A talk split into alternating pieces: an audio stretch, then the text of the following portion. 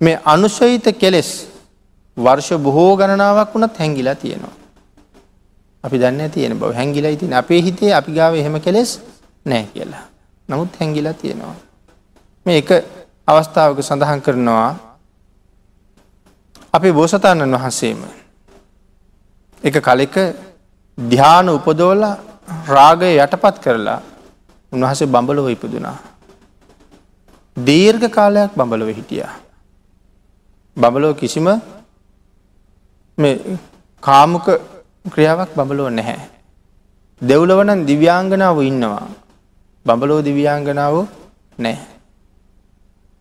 ඉන් කාලාන්තරයක් කල්පගනන්නේ බඹලෝ ආවිෂය තරන් දීර්ඝ කාලයක් රාගයෙන් වෙන් වෙලා බඹලෝ ඉඳලා නැවත මනුස්සලෝක ඇවිල්ල ඉපදුනා. රජ ගෙදර රජ බිසවගේ කුසේ. කාන්තාවන්ට කොයි තරං අප්‍රසන්නද කාන්තාව කොයි තරං අප්‍රිය කරනවාද බඹලෝ ඉඳල න්‍යාවේ. ඒ නිසා මේ දරු පැටියා අම්මටවත් වඩාගණ්ඩ බෑ. අතර ගත්තොත් අඩනවා. කිරිපුවන්ඩ හැටියකුත් නෑ. එතරම්ම කාන්තාවන්ට අප්‍රියයි. නමුත් කිරිපෝල ලොකු මහත් කරන්න ඕනෑ. රජ්ජුරු උපායක් පාවිච්චි කරලා කාන්තාවන්ට පිරිමි අයවාගේ ඇඳුම් අන්දලා පිරිමියෙකුගේ පෙනුම තියල තමයි මේ දරුවා කාන්තාවගේ අතර දීල කිරිපුවන්නේ. කාලයක් මෙහෙම හැදවා. ලොකු නාවශ වරුදු දාසේ දහට වගේ වයිසටත්තාවා. කාන්තාවක් දිහා හැක් කරලවත් බලන්නේ. තන්නියමම විවේකීව තැනක තමයි හැසිරෙන්නේ. නමුත් තරුණ වයසටෙන පුතා රජකමට පත් කරන්න විවාහ කරවන්න ඕනෑ. තාත්තට තියෙන ලොකුම ප්‍රශ්නය තමයි පුතා විවාහ කරවන්නේ කොහොමද කියන එක. රජ්ජුරු එක දවසක් කල්පනා කර කර හිටියා. තරුණ නාටිකාංගනාවක් දැක රජුරු බොහෝම බරපතල කල්පනාවක ඉන්නවා. ඇය ගිහිල රජ්ජුරුවන්ගෙන් ඇහුව මහරජය. මොනවාගේ කාරණාවක් නිසා බෝහන්සේ මේ තරම් මේ තරම් කල්පනා කරනවාද. ඇයට සඳහන් කලා පුතා ගැන කාරණාව. ඇය සඳහන් කරනවා ස්වාමීනී ඕකොයි තරම් කල්පනා කරන දෙයක් නෙමෙයි. මහරජතුමාට අවශ්‍ය පුතනුවම් විවාහ වෙනවා දකිින්ද. එක මං බාරගන්නම් ඔබතුමාය ගැන හිතන්ඩ හිතන්ඩ එපා. මේ කාන්තාව ටික ටික ටික ටික කුමාරයාගේ චරිතය අධ්‍යයනය කළා.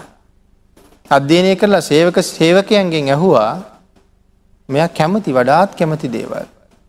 ඔහු හරි ආසයි ගීතාහන්ඩ.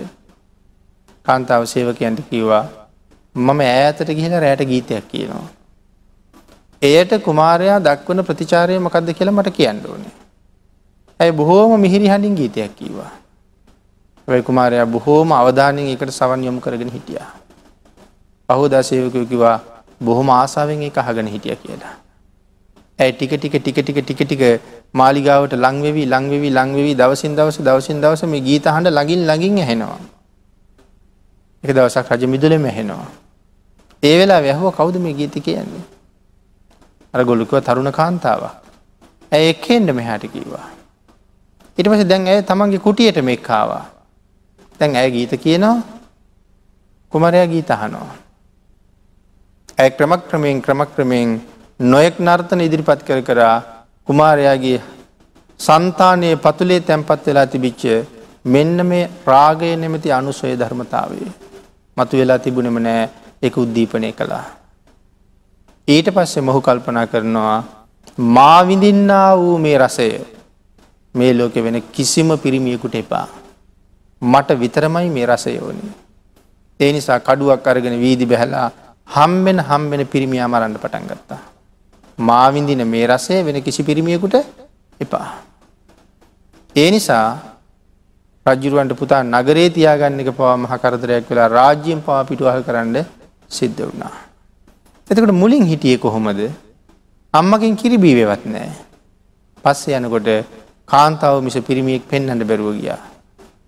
එතකොට මේ කාමුක තෘෂ්ණාව කියන එක නැතිම කරලද මේ හිටියේ නැතියෙනවා. බවත්‍රයේ දීර්ඝ වශයෙන් කාමසේවනය නොකරපු නිසා මේ තත්ත්වය ඉස්මතු වනේ නෑ. නොත් ඉස්මතු වෙන්ට කාරණාවක් එළඹිච්ච ගමන් ඒක ඉස්මතු වෙන අන් සියලු දෙනාටම වඩා ඉතා දරුණු විදිහට